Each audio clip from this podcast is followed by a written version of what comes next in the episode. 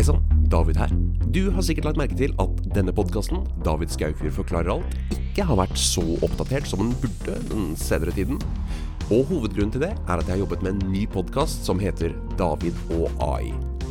Podkasten David og AI den ble til fordi jeg følte at utviklingen innen kunstig intelligens skjedde langt raskere enn det jeg klarte å følge med på. Og jeg anser meg selv som over middels interessert i dette enorme fagfeltet, men når alt kom til alt, så visste jeg egentlig ikke så veldig mye om det, og det ønsker jeg å bøte på. Så i David og AI så samtaler jeg i hver episode med en fagperson som benytter seg av kunstig intelligens i sitt daglige liv og virke, for å oppdatere meg og deg, kjære lytter, på hvordan vi kan benytte oss av denne teknologien i vårt daglige liv og virke. Hvordan kan vi fortsette å være relevante i jobbmarkedet? Hvor er de etiske gråsonene? Hvilke programmer kan gjøre oss mer effektive, og hva bør vi unngå?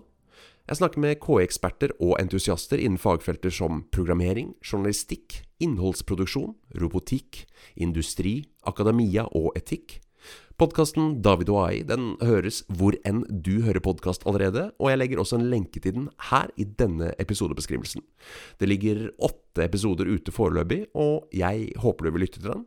Hvis du liker denne podkasten her, så tror jeg du vil finne glede i den også. David og AI, altså, hvor enn du hører podkast. Vi høres.